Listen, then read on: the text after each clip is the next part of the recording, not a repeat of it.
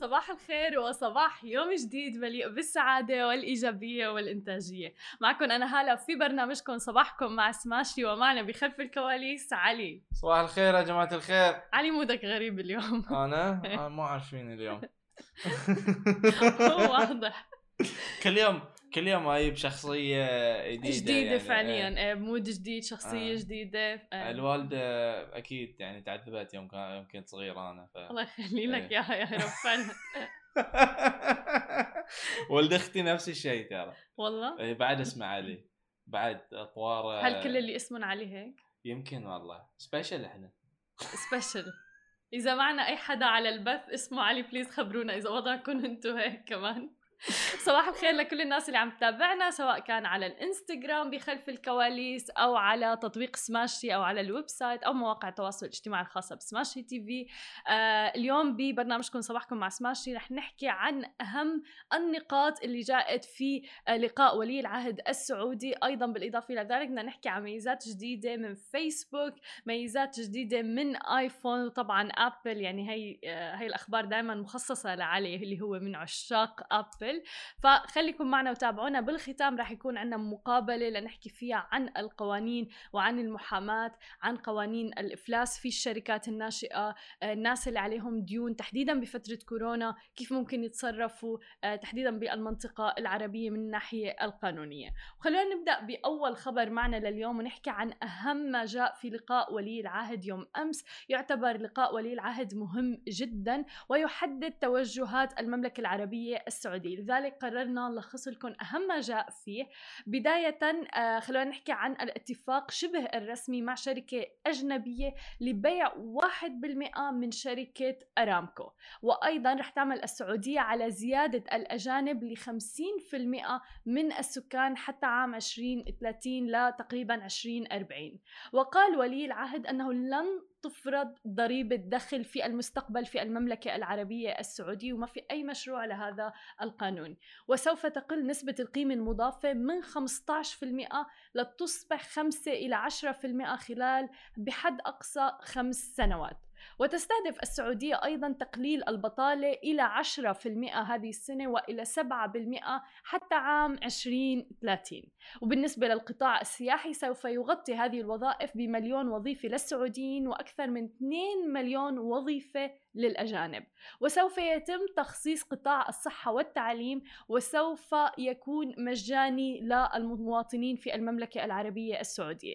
ولن تكون هناك أي بصيلات للتأمين حتى الآن.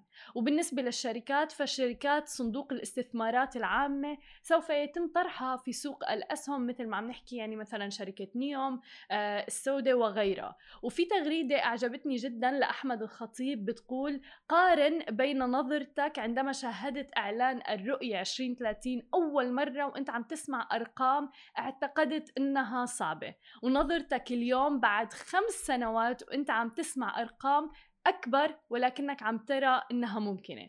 فيعني هذه فعلا من أهم منجزات التحول.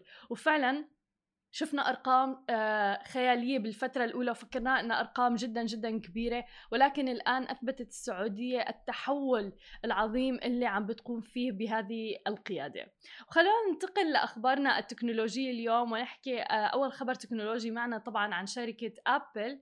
آه، أعلنت شركة أبل يوم الاثنين تحديدا طرح الإصدار الجديد من نظامها لتشغيل الهواتف المحمولة واللي بضم العديد من التحديثات الجديدة سواء كان emojis جداد وغيرها من الخاصيات ولكن من بين الخواص الجديدة اللي بيضمها هذا الإصدار اللي بيحمل اسم iOS 14 إمكانية التعرف على الوجه لفتح قفل الجهاز حتى لو كنتوا عم ترتدوا الكمامة واللي اصبحت جزء علي كتير مبسوط طبعا وأتوقع كلياتنا مبسوطين لأنه فعلا مزعج الموضوع. آه تحديدا للناس كمان اللي بيستخدموا ال Apple Pay مو بس حتى يعني لتفتح القفل لحتى تدفع شيء لازم تشيل ال- الكمامة تشيل ال mask تبعك وبعدين يكون عندك القدرة على إنك تتصرف بموبايلك. ولكن فعلا هذه الخاصية خاصية جدا جدا رائعة.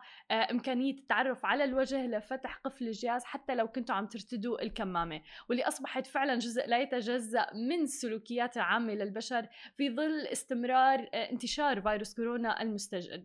وإلى جانب هذا الإصدار من نظامها للتشغيل أعلنت أبل تحديث ساعتها أيضا واللي رح يحتاجها من يريد تفعيل هذه الخاصية اللي هي فتح قفل الجهاز أثناء ارتداء الكمامة. إذ أنها ستعمل على المصادقة على فتح الهاتف عندما تنظر إليه وأنت حتى عم ترتدي الكمامة. بتوقع هذه الخاصية والميزة رائعة جدا. كلياتنا كنا بانتظارها. آه علي شو رأيك بأبل؟ شركتك المفضلة بهي الخاصية اللي فيها نوع من التكيف والمرونة. يعني لاحظت شركة أبل إنه الكمامة جزء لا يتجزأ من حياتنا وشكلها معنا. مم. يعني شكلها مستمرة وحتضلها معنا. فبالتالي فورا عملوا هي الميزة الجديدة. يعني شافوا شافوا إن آه، في community من Apple يعني. هم هم Apple مسوين community آه، دائما في يعني يقولون يكتبون على موقع Apple مثلا ليش كذي على كذي كذي كذي كذي ويشوفون شنو يقدرون يصلحون أو يزيدون بالميزات لل مثلا ال software أو اي أي product Apple يعني م. فواحد منهم يعني إحنا كلنا كنا نقول ليش صح ما في face recognition صح مع ال mask م. يعني أنا نفس أنا يعني. نفس الشخص يعني بس تليفون يعني الآيفون ما ما يعرف إنه تماما نفسه. ف فشيء شيء وايد وايد وايد حلو. فعلا. وانت ذكرت نقطة جدا مهمة واللي هي من نأكد عليها دائما بالشركات الناشئة اللي هو الاستماع للعملاء تبعك والمستخدمين من أهم أسرار النجاح فعلا. وهذا اللي عم نشوفه بشركات كبيرة مع يعني تكنولوجية عملاقة مثل شركة أبل. Yeah. خلونا ننتقل لخبرنا الثاني ونحكي عن شركة تسلا. سجلت تسلا أرباح قياسية في ثالث ربع قياسي لها على التوالي حيث وصلت أرباحها المعدلة إلى مليار دولار للمرة الأولى في تاريخ الشركة. وسجلت الشركة 9 مليارات دولار في إجمالي الإيرادات أي أقل بقليل من مبيعات الربع الرابع ولكن بارتفاع نسبته 75% عن نفس الفترة من العام الماضي. وانخفضت الإيرادات جزئيا مع توقف الشركة عن بناء أغلى سيارتين تصنعهما. هن عندنا Model S وأيضا Model X هن من أكثر وأغلى سيارتين لشركة تسلا خلال الربع. بينما كانت عم تستعد أيضا لطرح إصدارات جديدة من تلك المركبات وشهدت نقصا في رقائق الكمبيوتر طبعا آه، أثر على قطاع السيارات بأكمله. ولكن تسلا قالت أن تجاوزت النقص في الرقائق جزئيا من خلال التحول بسرعة كبيرة إلى وحدات التحكم الدقيقة الجديدة مع أيضا تطوير برامج ثابتة في الوقت نفسه للرقائق الجديدة اللي بيصنعها موردون جدد. وقد ساعد الاستثمار بعملة البيتكوين أيضا هذا أمر ما فينا ننكره لا أرباح الشركة بشكل كبير جدا. إذ كانت قد كشفت الشركة سابقا أن استثمرت 1.5 مليار دولار في عملة البيتكوين في الربع. وقالت الشركة أنه أداء البيتكوين خلال تلك الفترة أدى إلى ربح يبلغ حوالي 101 مليون دولار لشركة تسلا. وأصبحت شركة تسلا مربحة منذ الربع الرابع لعام 2019 تقريبا وارتفع سهمها منذ ذلك الحين بنسبة 1349 في المئة. وتعد الشركة اليوم واحدة من أكثر الشركات الأمريكية قيمة حيث تبلغ قيمة أسهمها أكثر من القيمة المجمعة لأكبر سبع شركات لصناعة السيارات في العالم. مثل ما بنعرف شركة تسلا هي الشركة الرائدة في آه، الشركات آه، السيارات الكهربائية تحديدا وذاتية القيادة أيضا. ولكن الآن شفنا بفترة قصيرة جدا آه، تخطت شركات عالمية لصناعة السيارات. خلينا ننتقل لخبرنا التالي التكنولوجي ونحكي عن منصة فيسبوك اللي عم تعمل على تطوير مشغل بودكاست خاص بها داخل تطبيق فيسبوك رح يكون مستقل تماما عن مشغل سبوتيفاي الجديد. وهذا إذا دل فبدل عن أهمية صناعة البودكاست والمحتوى بالفترة الأخيرة. لما نشوف شركة عالمية تكنولوجية مثل شركة فيسبوك عم تدخل هذه الميزة آه، لمنصتها هذا بيعني أنه رح يتمكن صناع البودكاست من توزيع برامجهم من خلال صفحاتهم على الفيسبوك مباشرة. وأشار أيضا أنه رح ما رح توجد حتى الآن أي معلومات واضحة عن تفاصيل هذا المنتج الجديد. ولكن من المتوقع أن تنتشر هذه الخاصية الجديدة خلال الأشهر القليلة القادمة. ويبدو أن اهتمام فيسبوك ببودكاست أمر منطقي إذ تقول أنه أكثر من 170 مليون شخص عم بيتصلوا بصفحات وعم بيتابعوا صفحات البودكاست وإنه أكثر من 35 مليون شخص أعضاء في مجموعات تتناول وتتكلم عن مواضيع وبرامج متعلقة في البودكاست. وبالإضافة إلى ذلك ما تزال بودكاست منتجا معتمدا بشكل أساسي على الاعلانات وما فينا ننكر هذا الشيء ابدا. يعني فيسبوك باستطاعتها جمع بيانات عن البرامج وأيضا المستمعين وتوجيه إعلاناتها إليهم ومن المحتمل إنه تعطي صناع المحتوى أيضا نصيب من هذا الشيء.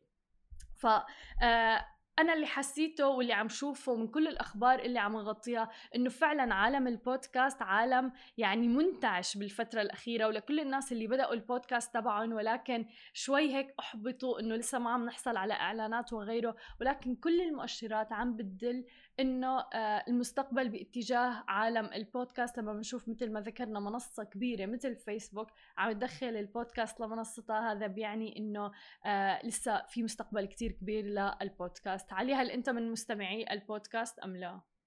أنا صراحة عادي فيك تكون يعني صريح. آه أنا دائما صريح ما. ابدا. آه بالاشياء جد جد إن آه، ما أسمع آه يعني وقت أحيانا أسمع بس بس لأن ما عندي شيء أسوي غير ان أسمع بودكاست. يعني ما عندي شيء أشوفه يعني مثلا إذا ما عندي شيء أنا جيمر أول شيء آه صح يعني. زين إيه. فاذا ما ألعب ولا أشوف شيء على نتفلكس أو يوتيوب أو أو أو أو أو, أو آه بسمع بودكاست.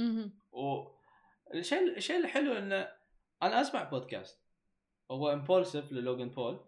آه بس على يوتيوب ما آه، يعني أشوف حلو. وأسمع يعني حلو. في نفس يعني إيه. ساعات أخلي على اليوتيوب وأنا أنا ماشي وأرجع مم. يعني أس للحين أسمع فهمت البودكاست. عليك إيه، أنا كمان كثير مرات فعلا بسمع البودكاست على اليوتيوب آه أيضا من البودكاست الكتير حلوة وإذا أنتم مهتمين بأمور متعلقة بريادة الأعمال في بودكاست اسمه How I Built This. كتير حلو بيحكي عن فعلا الشركات الناشئة وكيف بدأت آه حتى النهاية بتوقع ثمانية كمان بودكاست عربي رائع جدا آه وفي في محتوى كتير كبير مم. للبودكاست بمنطقتنا العربية عم بيغطوا شتى المواضيع. فجميل إنه عم نشوف سواء كان فكاهي سواء كان محتوى عميق جدا بيحكي عن أمور علمية أو قضايا مجتمعية كله فعلا موجود يعني. بالضبط. بعد الفاصل خليكم معنا مقابلتنا مع هيثم العلي من شركة بي إس اي أحمد بن هزيم للمحاماة رح نحكي عن كل ما يتعلق في الأمور القانونية وتحديدا أنه في كتير إشكالات صارت بفترة كورونا سواء كان ديون سواء كان شركات ناشئة ما كان عندها القدرة على تسديد ديونها وغيره. فخليكم معنا وتابعونا. ورجعنا لكم من جديد وضيفنا لليوم بحلقة اليوم هيثم علية آه شريك لأحمد بن هزيم للمحاماة. يا أهلا وسهلا فيك معنا اليوم. صباح الخير استاذي هلا وشكرا لهالاستضافه الحلوة كمان. تسلم يا رب شرف إلنا. حابين نعرف منك أكثر بتعرف مواضيع القوانين والمحاماة وغيرها؟ تحديدا بفترة كورونا يعني بتوقع كان في طلب كتير كبير عليها. أكثر ما بتتصوري. فحابين نعرف منك أكثر آم، شو أكثر نوع قضايا تعاملتوا معها إذا فيك تخبرنا طيب. يعني. أول شيء نحن بس لوضح شغلة نحن اسم المكتب بي إس اي أحمد بن هزيم. آه، فنحن مكتب صار له متواجد حوالي ال 20 سنة بدولة الإمارات وصرنا متواجدين بتسع مكاتب على صعيد خمس دول موجودة بدول الخليج ودول العربية. باعتبارنا كمكتب إقليمي متواجدين بهالعديد من الدول فبتعرفي خاصة بال- بالسؤال اللي حضرتك سألتيه آه، فترة كورونا كانت فترة صعبة على الكل من الناحية الاقتصادية من الناحية القانونية. فبالطليعه كانت دولة آه، الإمارات كثير سباقه باتخاذ إجراءات قانونية لا تحمي الموظفين ولا تحمي الشركات بنفس الوقت بحيث إنه كان عم يطلع بشكل دوري وبشكل مستمر قرارات وتع- وتعميم لحتى تسهل للموظفين وللشركات كيفية إنه يتعاطوا مع بعض بحيث إنه لا لا الشركة تكون عم تخسر ولا الموظف يكون عم يفقد عمله. فكان فعلا دور ريادي لهم بهالاجراءات أكثر شيء اللي كان طبيعي عم يجينا هو موضوع آه، عدم السداد. بتعرفي اليوم بفترة كورونا صار في فترة إقفال تام. كثير من الشركات اللي كان عندها إجراءات آه، تنفيذيه مثلا شركات المقاولات مثلا على سبيل المثال ما عادوا العمال قدروا قدروا ينزلوا يشتغلوا. فأكيد هذا أثر على التعاقد اللي هن أصلا موقعين عليه وبالتالي صار في تأخير.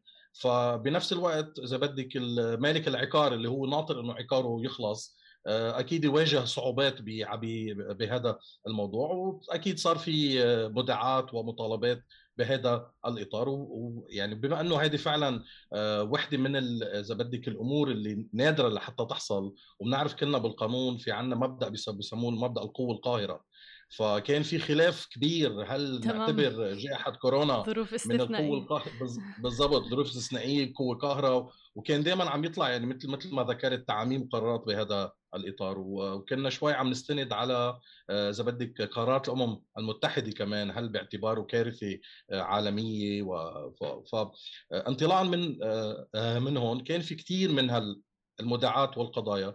كان في كمان أكيد قضايا عديد من القضايا العمالية لأنه مثل مثل ما ذكرت صدر قرارات سمحت للشركات بتخفيض بعض الرواتب بمنح إجازات دور راتب وإجازات مع راتب إلى حين الوصول إلى تخفيض راتب الموظف أو كمان الاستغناء عنه في حال لم تتمكن الشركة مع أكيد حفظ كافة حقوق الموظف بهذا الإطار، بعض الموظفين قبلوا آه، يخضعوا لهذا الشروط الجديدة، بعض الموظفين رفضت وبالتالي صار في كمان مقاضاة.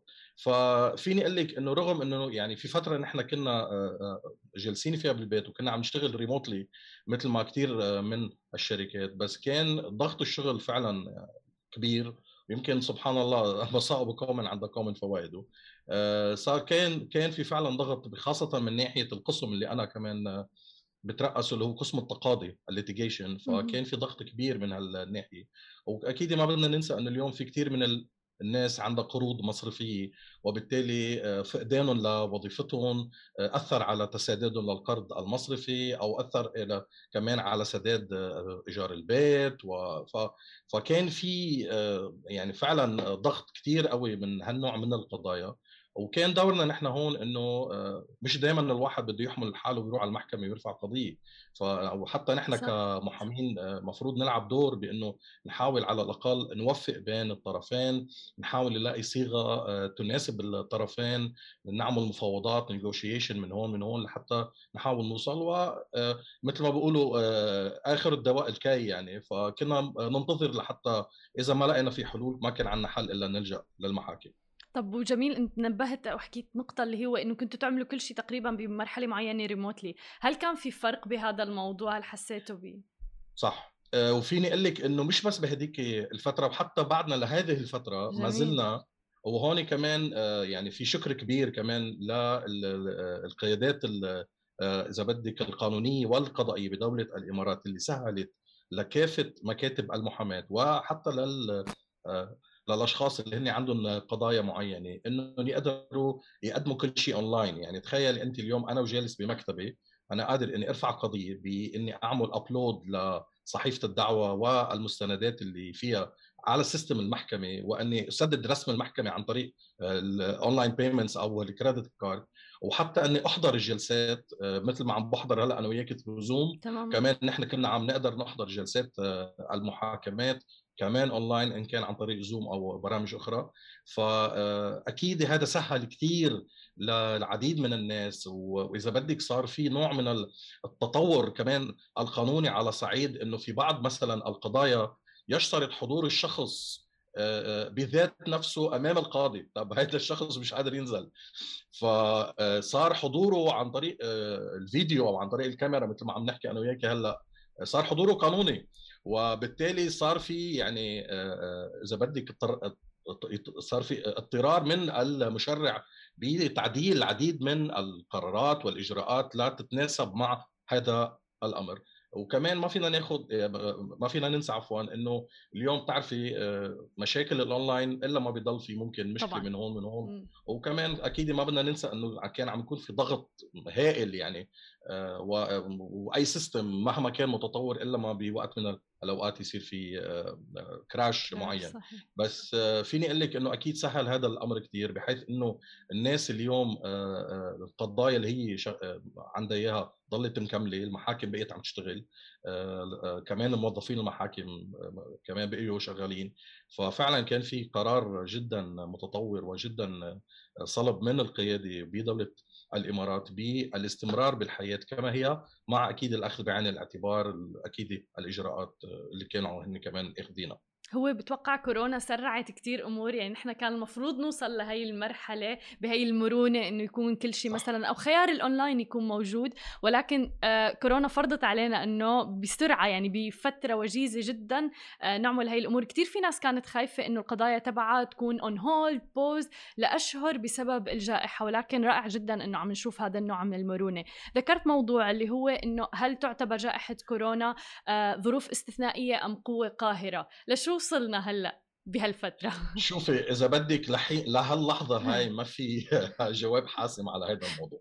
هلأ هو ظروف استثنائية أكيد وحتى صدر قرار من آه، من آه، الحكومة في دولة الإمارات آه، وجهت مثل نوع من تعميم اعتبرت فيه إنه جائحة كورونا من الظروف المالية الاستثنائية. وهذا أكيد حيفتح للعديد من التفسيرات والإجتهادات القانونية بهذا الموضوع ماذا يعني من الظروف المالية الاستثنائية.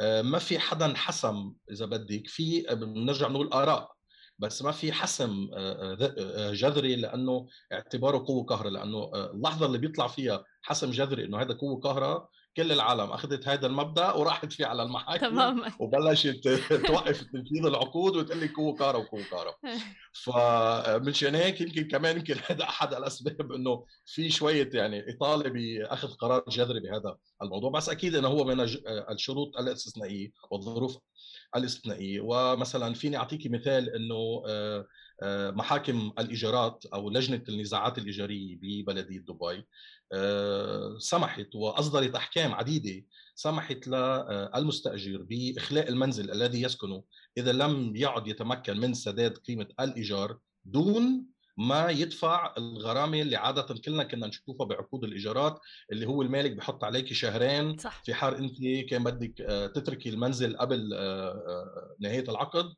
فأعفت هذه اللجان أو هذه المحاكم هي اسمها اللجان أعفت المستأجر من شرط سداد الغرامة. وبالتالي هذا يعني ريح كثير من الناس اللي أنا ما بقى قادر أسكن بهذا البيت بدي أطلع على بيت ثاني أصغر بس لحتى أطلع بدي أدفع. طب ما أنا أصلا مش قادر أدفع لو كنت قادر أدفع كنت آه، بإيد محلي. صح. بالضبط فصدر قرارات عده أحكام آه، كمان أحكام متطورة جدا. آه، سمحت للناس اخذ أكيد مع الأخذ بعين الاعتبار إنه جائحة كورونا أثرت عليه. مش والله أنا ما أثرت علي بس روح أتحجج بهذا السبب وأكيد هون دور المحاكم بالتحقق من ماذا هالشيء كان له تأثير.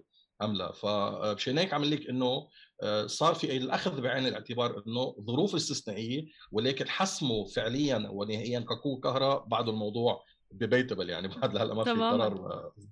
وإذا بدنا نحكي عن مواضيع يعني العمل والعمال وتحديدا الشركات لأنه شفنا كثير إشارات استفهام حول هذا الموضوع. صار في خصم آه، رواتب صار في تسريح موظفين. هل خصم رواتب الموظفين كان وجه من أوجه مثلا الإخلال بعقد العمل أم لا؟ وعم بحكي أنا بحالة عدم موافقه الموظف. نعم. أه هلأ اليوم اللي صار مثل ما ذكرت بالأول إنه الحكومة أصدرت قرارات وكان احدها يتعلق برواتب الموظفين ووضعوا أه جدول بإجراءات أه يجب على الشركة اتخاذها بدءا من أول إجراء ونزولا. فأول إجراء بدأ فيه هو إنه أه، الطلب من الموظف إنه ياخذ الإجازات اللي هي متراكمة له بالشركة. يعني أنا والله عندي 15 20 يوم بحمل حالي بروح باخذ إجازة وراتبي ماشي وأنا آه، بكمل. هذا كان أول إجراء. ثاني إجراء منح الموظف اجازه دون راتب وصولا ثالث إجراء لخفض مؤقت على راتبه. أوكي. آه، رابع إجراء آه، كان خفض دائم للراتب ووصولا إلى الاستغناء. فأكيد بعض الموظفين قبلت بعض الموظفين ما قبلت. آه، اللي ما قبلوا راحوا على المحكمة وقالوا لا إنه أنا آه، تعرضت لهذا الأمر وهن ما كانوا يعملوا هيك. فهون بالنهاية آه، صار في قرار تنظيمي إذا بدك نظم هذا الموضوع وسمح للشركات لأنه كمان وخاصة هون بنرجع وبنعيد إنه اليوم أي شركة بدها تتحجج بهذا السبب أو باستعمالها لهذا القرار بدها تثبت إنه أنا فعلا أصبت بأزمة مالية على أثر جائحة كورونا. مش أنا والله ما بيني شيء وجيت عم استغل هذا الموضوع لحتى خفض رواتب موظفيني أو أخلص من البعض منهم. فاليوم دائما دور المحاكم بهذا الإطار إنه اليوم الشركة التي تتحجج ب عدم قدرتها بسداد الرواتب أو طلب الاستغناء عن بعض الموظفين بدها تثبت للمحكمة إنه أنا والله هاي الميزانية تاعيتي كنت طلع مليون صرت عم طلع ألف فبالتالي أنا بخسارة كبيرة وبالتالي المحاكم هون تسمح لها. ف مشان هيك عم لك هذا الشيء إذا الشركة استعملت هذا الإجراء فبالتالي هي ما عم تخالف. هي هي بالتالي عم تلتزم بتعميم صادرة ولكن بس مثل ما قلت هذا الشيء منه مفتوح لكل الناس مفتوح للشركات اللي فعلا تعرضت إلى ضرر من جراء جائحة كورونا. ناخذ على سبيل المثال المطاعم. صح. كل المطاعم بفترة كورونا سكرت. م. الفنادق آه، الأماكن السياحة. السياحية مثلا. بالضبط. الشركات اللي شغلتها آه، آه، تنظيم الحفلات وتعهدات وإلى ما هنالك. هدول كلهم كان عندهم ضرر مباشر. فهون تلقائيا اوتوماتيكلي صارت عارفة المحكمة لما أنا عندي شركة مطاعم وعندي موظفين رفعوا علي قضية ما أنا كل الوقت كنت مسكر. فمنين بدي أدفع لهم الرواتب فمثل ما قلت أكيد الشركة هون ما بكون عم تخالف ولكن على الشركة إثبات إنها فعلا تضررت من جراء هذا الأمر لحتى يكون عندها الترخيص لإستعمال ما سمحت له في القرارات التي صدرت.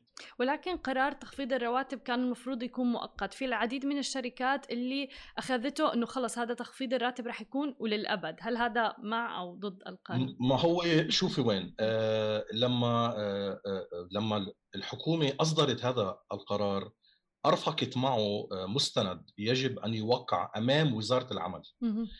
من الموظف ومن رب العمل. لا حتى آه، تعرف تماما الوزارة إنه الموظف موافق أو منه موافق.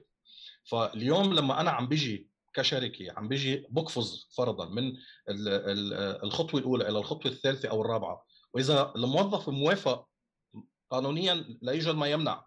عرفت علي؟ ومع هالشيء اشترطت الوزارة إنه يتم التوقيع أمامها على مواضيع التخفيضات من الرواتب آه، إذا كانت مؤقتة أو إذا كانت دائمة. فلحتى ما يكون الموظف تحت ضغط تعرف اليوم كل الموظف ممكن يكون آه، خايف من آه، مديره من صاحب العمل يقول لك هلأ بيقوم بيقلعني خليني أقبل معه. فحتى ما يكون بهالخوف اللي هو فيه فرضت الوزارة أن يتم توقيع مستند إضافي آه، يضمن حقوق الموظف ويبدي موافقته على هذا التخفيض. فبالتالي هذا صار أمر بين الشركة وبين الموظف. ذات الوضع إذا أنا اليوم طلبت من الموظف إنه يطلع من الشغل نهائيا يستغني عن خدماته وطالما أنا عم بدفع له كامل حقوقه فأنا بالتالي عم طبق القانون. تماما. طب وفي آه ولنفترض خصموا راتب الموظف الموظف ما وافق آه هل لما يترك الموظف وظيفته الآن هل يطبق عليه قانون طرد التعسفي؟ آه هل مثلا بيطالب بتعويض الطرد التعسفي بهي الحالة؟ صحيح. نحن بنرجع للنقطة اللي كنا عم نحكيها قبل إنه اليوم إذا الموظف ما قبل وراح على المحكمه وقال للمحكمة أنا هذه الشركة خفضت لي راتبي أو استغنت عن خدماتي وبالتالي قامت بفصلي تعسفيا دون أي مبرر.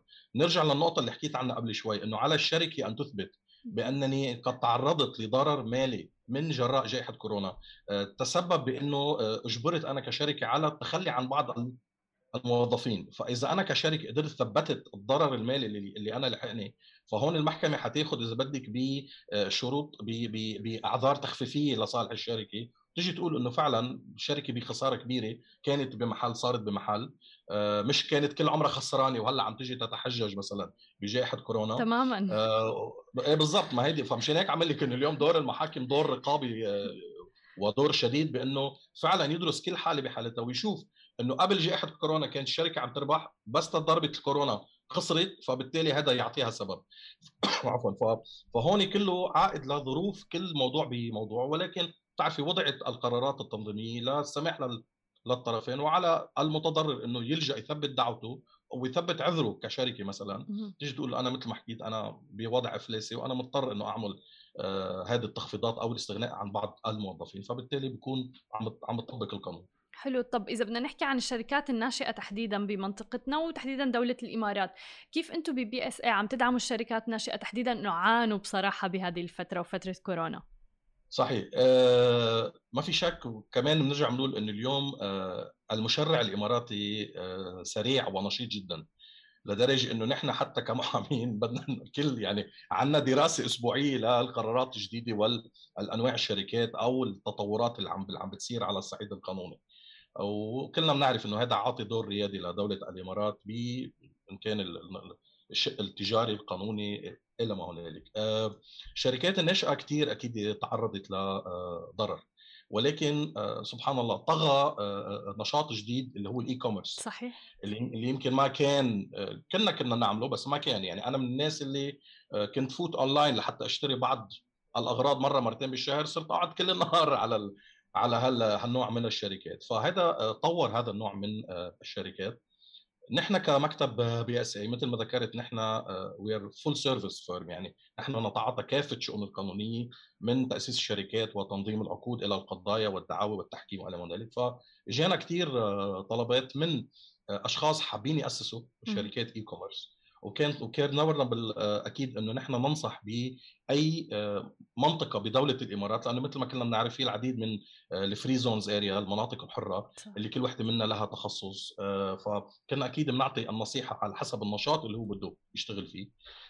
وبالتالي مساعدتهم بإنه يعني اليوم شغل مهنة المحاماة بالنسبة لي بالنسبة لكثير من الزملاء المحامين مهنة مقدسة منا عفوا مش بس موضوع إنه والله مال مال مال كل الوقت.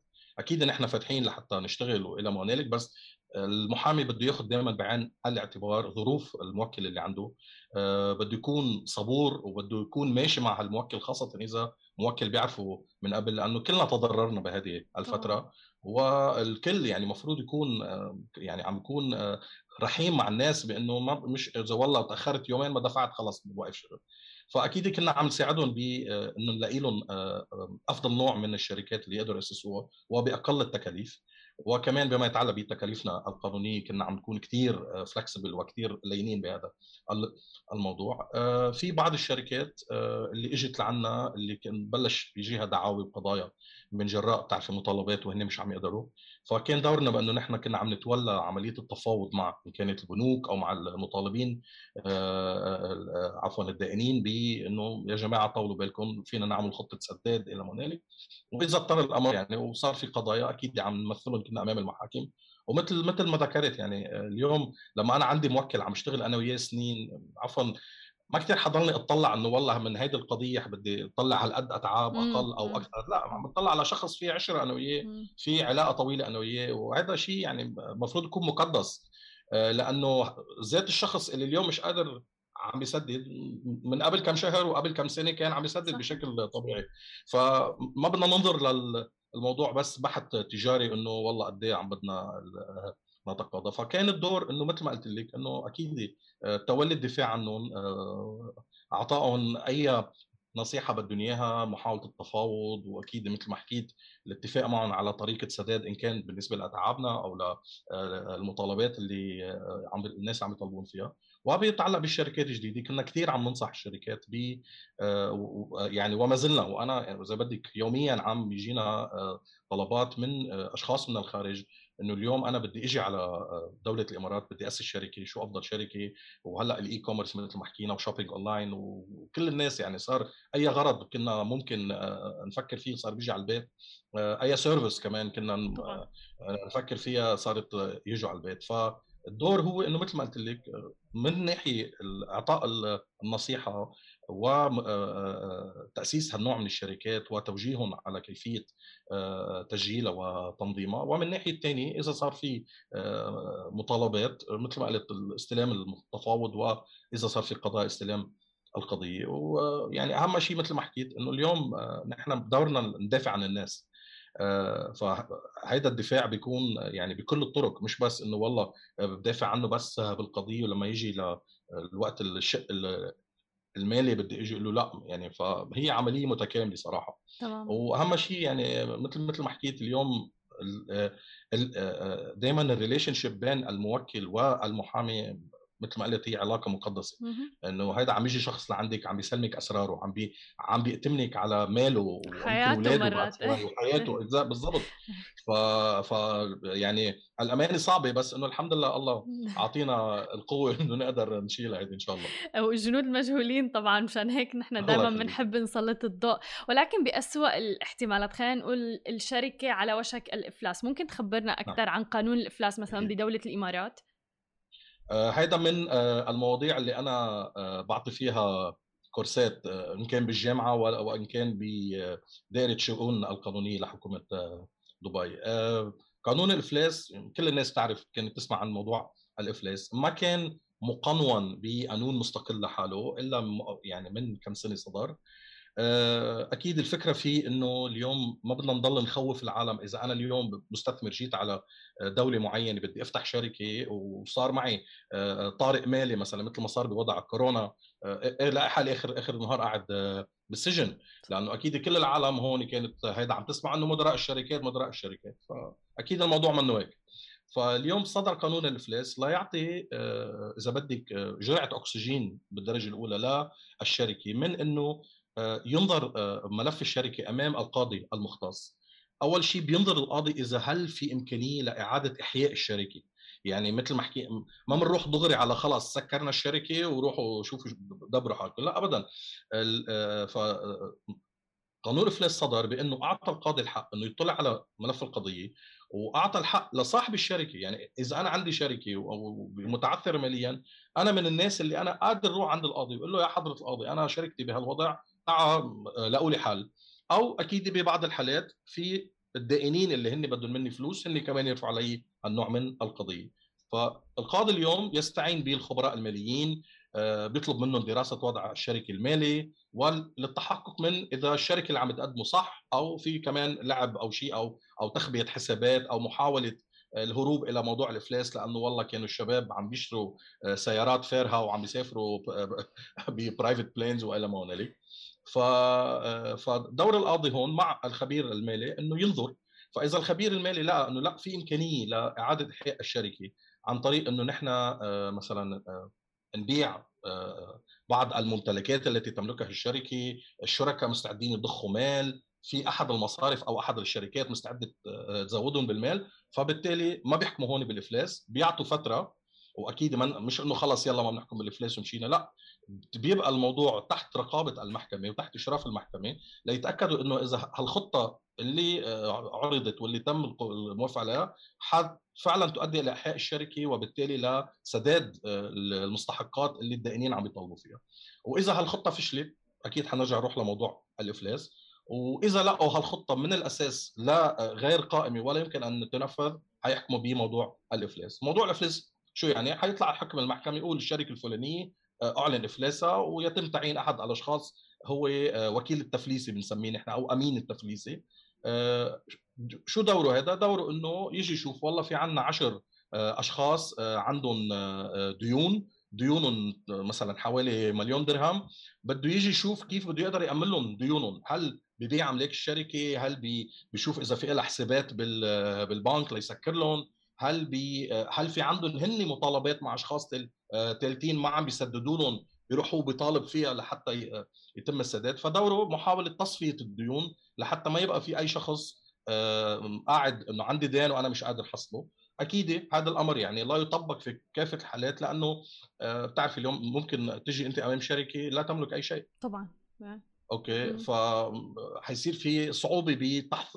إنك تحصلي هذه الديون. آه، وأكيد القانون هذا قانون آه، قاسي جدا على أصحاب الشركات ومدراء الشركات بحيث إنه إذا تبين في تلاعب بالميزانيات إذا كان في صرف مثل ما حكيت بذر آه، يلاحق جزائيا مدير الشركة أو صاحب الشركة الذي أخطأ بتنظيم حساباته كان عم كان يمكن عم يمارس أعمال غير قانونية آه، كان عم ياخذ قروض ليروح يسافر ويشتري ويعيش حياته فيها. فكمان هون عليه هذا مسؤولية. بس الدرجة الأولى إنه اجى هالقانون لحتى يقول لهالمستثمرين الجدد يا جماعة إذا أنتم جايين عم تشتغلوا صح واشتغلتوا ونظمتوا أموركم وما كنتوا عم تلعبوا فأنا كقانون أنا أعطيك حماية لأنه ما كل شخص أفلس يعني مجرم. طبعا نعم. أوكي؟ آه، وليش بدنا نحطه بالسجن؟ لأنه آه، أفلس. لا ممكن يتعرض على هذا الشيء أي مستثمر أو أي تجي فاجى هالقانون واللي هو شبيه كثير ببعض القوانين إذا بدك الفرنسية أو حتى الإنجليزية. آه، لا يعطي هال flexibility أو هالحريه بالتعاطي من المستثمرين أو أصحاب الشركات بأنه أنا مش كل ما بدي فوت بمشروع بدي خاف ومعود إجي لأنه بدهم يحطوني بالسجن. فهذا كان قانون الافلاس وتم تعديله بسنة 2019 مؤخرا آه، وأضافوا بعض يعني مثل ما قلنا بعض الإجراءات القانونية ولكن أنا برأيي قانون جدا جيد ومثل ما حكينا يعطي إذا بدك الحرية أو آه، دراسة وضع الشركة إنه ممكن إنها ترجع تقوم وتحيا وصاحب الشركة يكمل شغله أو إذا كان ما الوضع المالي سيء فالقرار هو باشهار افلاسها جميل. طيب وأنت ذكرت كمان موضوع اللي هو إنه بدولة الإمارات تحديدا آه، دائما في قوانين جديدة دائما عم تكيفوا مع الأمور اللي عم تصير. آه، شفنا بالفترة الأخيرة قانون اللي هو فيزا للعمل عن بعد. صح. وفعلا العمل عن بعد صار يعني شيء آه، رائج الآن. كثير في ناس عم بتقوم فيه عم بتسافر عم تشتغل. فممكن تخبرنا أكثر عنه؟ أكيد. يعني مثل ما دائما عم نعيد ما شاء الله عن جد القيادة بدولة الإمارات يعني دائما بيفاجئونا بأفكار رائعة جدا.